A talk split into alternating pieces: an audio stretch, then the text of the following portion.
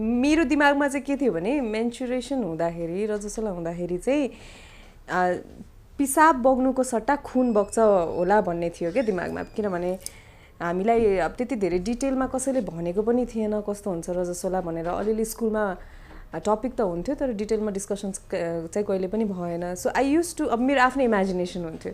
I use to think कि पिसाब बग्नुको सट्टा चाहिँ खुन बग्छ। That's all I to think अनि त्यसपछि इट वाज कम्प्लिटली डिफ्रेन्ट दुईवटा प्यासेज हुने रहेछ। पिसाब आउने प्यासेज अर्कै हुन्छ र ब्लड आउने प्यासेज अर्कै हुन्छ। So it was little in a quantity थोरै सङ्ख्यामा चाहिँ खुन आउँदो रहेछ भन्ने चाहिँ भयो। स्कुल जाने बेला थियो। I was getting ready bus आउनेवाला थियो। अनि टोइलेट गएँ। देन मैले खुनको निशानहरू चाहिँ देखेँ। अनि it was it was in a drop format drop फर्मेटमा थियो अनि के भएको होला? घाउसाउ त भएको होइन भन्ने चाहिँ भयो मलाई। एक किसिमको डर खालको फिलिङ चाहिँ आउँदो रहेछ कि। ला भन्ने भयो कि। अब यो किनभने कसरी आउँछ कसरी बग्छ कहिलेसम्म बग्छ मैले यसलाई कसरी ह्यान्डल गर्ने यो के चिज हो भन्ने खालको एक किसिमको डिफ्रेन्ट खालको डर अनि मिक्स फिलिङ खालको चाहिँ थियो। अनि मम्मीले केही पनि त्यसको बारेमा केही पनि हामीलाई भन्नुहुन्थेन इ जस्ट तिम्रो पिरियड भयो। तिमी तिमी बाहिर गयो। तिमी नछुने भयो। अब तिमी यसरी तिन दिन चाहिँ घामबाट घाम नहेर्ने गरी बस्नुपर्छ कोठामा। तिमीले बुवालाई हेर्नु हुँदैन। यस्तै यस्तै भनेर चाहिँ भन्नुभयो। बट वाइ भन्ने क्वेसन चाहिँ जहिले पनि हुन्थ्यो होइन? म त्यतिर एकदम खुसी चाहिँ किन भयो भने स्कुल जानु परेन कि। That was only the happiness तर म भित्रभित्र चाहिँ अलिकति डरमै थिएँ त्यतिखेर। त्यतिखेर चाहिँ अनि मम्मीले कपडा दिनुभयो मलाई। यो कपडा चाहिँ तिमीले यसरी फोल्ड गरेर चाहिँ त्यहाँ राख अनि त्यसले चाहिँ सोच्छ। अनि त्यसपछि आफैले धुने हो है फेरि आफैले धुने हो अनि चेन्ज गर्ने हो अनि घाममा लगेर सुकाउने हो भनेर चाहिँ त्यसरी गाइड गर्नुभयो। चार दिन चाहिँ बार्नुपर्ने चार दिनको दिन नुहाउनु पर्ने अनि त्यसपछि बल्ल किचनमा छिर्ने। त्यस्तो चाहिँ हामीले मैले चाहिँ एसएलसी दिँदासम्म चाहिँ मैले बारेँ मजाले बारेँ। दुई वर्ष अगाडिको कुरा हो दसैँको कुरा हो। एक वर्षपछिको टाइम पिरियडपछि फ्यामिली ग्यादरिङ हुन्छ टिका लाउन भनेर गइयो। पिरियडको टाइम आइरहेछ भन्ने पनि छ। ठ्याक्कै टिका लाउने दिन पिरियड भयो। अब टिका लाउने कि नलाउने भन्ने इट्स अ बिग क्वेसन टिका लाउनु इज इम्पोर्टेन्ट जस्तो लाग्यो क्या मलाई। अनि म्या म भन्दै भन्दिनँ भनेर मैले भन्दै नभने चाहिँ टिका पनि लगाएको छु क्या मलाई चाहिँ कस्तो लाग्छ भने हाम्रो हजुरआमा बुढापाका मान्छेहरूले चाहिँ धेरै लामो समयदेखि यसलाई विश्वास गर्दै आउनुभएको र उहाँहरूको इज्जतको स्रोत हो क्या यो। उहाँहरूले चाहिँ कल्चरल्ली यो चिजलाई फलो गरे बापत चाहिँ फ्यामिलीमा सम्मान फिल गर्ने अरूले सम्मान गरिदिने उहाँहरूको इज्जतको एउटा ठुलो स्रोत हो। अनि त्यो चाहिँ उनीहरूले जेनेरेसन जेनेरेसनमा ट्रान्सफर गर्दै गयो। यसमा म महिलाहरूलाई पनि दोष दिन चाहन्न कि? र महिलालाई के हुन्छ? कोही व्यक्तिले आफूले आफू आफूले इज्जत पाइरहेछ भने आफ्नो इज्जत उसले जोगाउँदैन? उसलाई इज्जतको लोभ लाग्दैन? मैले फ्यामिलीमा इज्जत पाइरहेको छु किनभने मैले कल्चर राम्ररी निर्वाह गरिरहेको छु त्यो इज्जत उसलाई घुमाउनु त डेफिनेटली छैन। किनभने उसँग इज्जतको अर्को स्रोतै छैन के? उसलाई इम्पावर गरिदेऊ न उसको हातमा पैसा आउँछ भने यदि उसले केही काम गर्छ भने उसको इज्जतको अर्को स्रोत उसले पाउँछ कि? अनि उसले कल्चरल स्रोतलाई बिर्सिन सक्छ। बाहिर गएर काम गर्थ्यो दुई चार पैसा हातमा हुन्थ्यो भने चाहिँ उसले आफ्नो इज्जतको अर्को एङ्गल देख्थ्यो कि? मेरो इज्जतको अर्को एङ्गल भनेको यसरी कमाएर पनि हुँदो रहेछ होइन? कमाउनु चाहिँ महिला ज जसले कमाउँछ जसले सबल भएर काम गर्छ जसले कार्य गर्छ ऊ चाहिँ इज्जत उस ऊ चाहिँ इज्जत भएको व्यक्ति हो है भन्ने उसको मगजमा पर्थ्यो क्या। सो पहिलेदेखि जुन एउटा पितृसत्तात्मक सोचले गर्दाखेरि चाहिँ महिलालाई घर गृहस्थीमै बााउन्ड गरिएको थियो त्यहाँ चाहिँ उसको एउटा इज्जतको स्रोत चाहिँ संस्कृति परम्परा निर्वाह गर्नमै भइदियो क्या। र हामीले झ्याप्प उहाँहरूको इज्जतको स्रोतलाई धक्का पुर्याउन पनि मिल्दैन कि?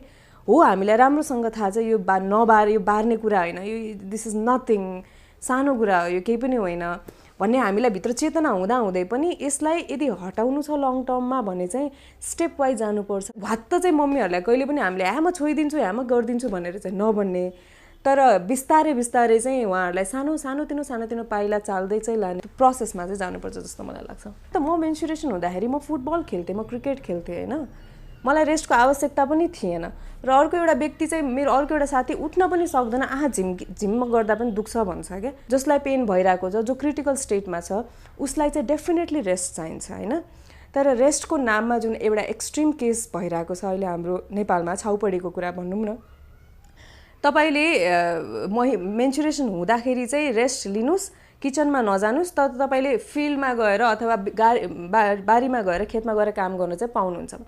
एउटा किचनको काम गर्नु गाह्रो हुन्छ कि? बारीमा गएर काम गर्नु गाह्रो हुन्छ। आई थिङ्क किचनको काम गर्नु अझ सजिलो हुन्छ जस्तो लाग्छ मलाई होइन? तपाईँ रेस्टकै कुरा गर्नुहुन्छ सानोतिनो काम गर भन्नुहुन्छ भने तपाईँले त झन् महिलालाई किचनमा काम गर्न दिनुपर्ने हो बारीमा पठाउने होइन क्या? So give rest to the person who wants it के जसलाई त्यो चाहिरहेको हुन्छ। आई थिङ्क डान्सको टाइम थियो होला एउटा मुभीमा अनि त्यतिखेर पिरियड हुने बेला पनि भएको थियो अनि डान्स गर्दा गर्दा आई फेल्ट म पिरियड भयो मेरो भन्ने फिल भइसक्यो होइन? फेरि हामी डाँडामा गइसकेका थियौँ कि अब मसँग त्यहाँ प्याड पनि छैन केही पनि छैन। अनि आई डोन्ट नो कहाँबाट त्यो मेकअप आर्टिस्टसँग त्यो हामीलाई हाम्रो मुख पुछ्ने कटन हुन्छ कि सेतो कटन हुन्छ कि अनि त्यो कटन चाहिँ मैले बरो गरेको थिएँ। तर मैले यस्तो भयो भनेर नभनिकन बरो नगरेँ मैले डाइरेक्ट भनेर नि दाइ मेरो पिरियड भयो मलाई कटन दिनु न चार पाँचवटा भनेर। अनि त्यो कटन ऱ्याप गरेर गाडीभित्र गएर गाडी हाम्रो भ्यान हुन्छ त्यहाँभित्र गएर चेन्ज गरेर अनि I came for the dance because त्यो टाइममा चाहिँ तपाईँको पिरियड भन्दा पनि इट डिपे तपाईँको इन्भेस्टमेन्ट वाज मोर इम्पोर्टेन्ट के होला मलाई गाह्रो भइरहेको थियो होला होइन अभियसली तर कुन सिचुएसनमा के चिज इम्पोर्टेन्ट हुन्छ भन्ने कुरा भन्नै सकिन्न। जस्ट बिकज अब अलिकति दुखेको छ भन्दैमा मैले इन्टायरली प्रडक्सनलाई त्यो दिन टर्न डाउन गर्नु नै नमिल्ने अवस्था थियो। कस्तो ग्रामीण ठाउँमा जाँदाखेरि टोइलेट कहाँ गर्ने? पिरियड भएको बेला प्याड त छँदै छैन ल। प्याडको त कुरै नगर्नु होइन? ग्रामीण क्षेत्र प्याड त पाउँदा पनि पाउँदैन। कपडा युज गर्नु परिरहेको छ। कपडा धोएर कहाँ फाल्ने कहाँ छ गर्ने? डम्पिङ कहाँ गर्ने? कति कति समयसम्म त ब्यागमै राखेर पनि हिँडिएको छ।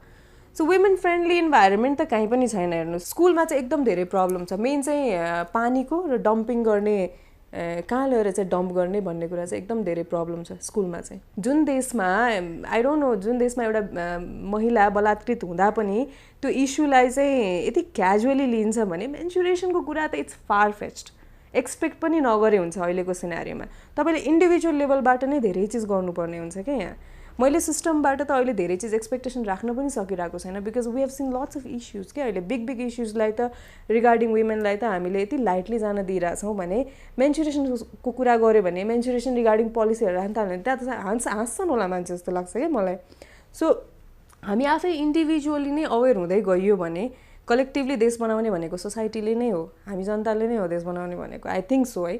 So it depends upon the education सबभन्दा पहिला इम्पोर्टेन्ट भनेको नै तपाईँको स्कुलदेखि नै सुरु हुन्छ कि मेक स्योर तपाईँको करिकुलममा चाहिँ डिटेलमा त्यो बारेमा चाहिँ लेखिएको होस् कोर्स होस् र त्यसलाई पढाउने शिक्षकहरू पनि एकदमै एक्सपिरियन्स हुनुपर्छ क्या। त्यो चिज तपाईँले एकदमै अस्योर गरिदिनु भयो भने सिस्टमले अरू केही चिज नगरे पनि यति गरिदिनु भयो भने पनि I think lots of lots of problem चाहिँ सल्भ हुन्छ। र अहिलेको सिनारीमा चाहिँ सबैभन्दा ठुलो मिडियम भनेको चाहिँ सोसियल नेटवर्किङ नै हो। If you have a cool family then flaunt it in a social media भन्छु कि म। तपाईँ तपाईँ एक्स एक्सप्रेस गर्नुहोस् कि त्यो कुरालाई सोसियल मिडियामा किनभने यताको व्यक्तिले केही चिज डाइरेक्टली नगरे पनि इन्डाइरेक्टली पर्सिभ गर्न सक्छ क्या social networking is one of the best tool अहिलेको केसमा। यङ्स्टरहरूलाई चाहिँ इन्फ्लुएन्स गर्नलाई। अपार्ट फ्रम द्याट ए तपाईँले जति चाहे पनि जबसम्म एउटा व्यक्तिले चाहिँ आफै रियलाइज गर्दैन नि तपाईँले जबरजस्ती गरेर हुँदै हुँदैन क्या?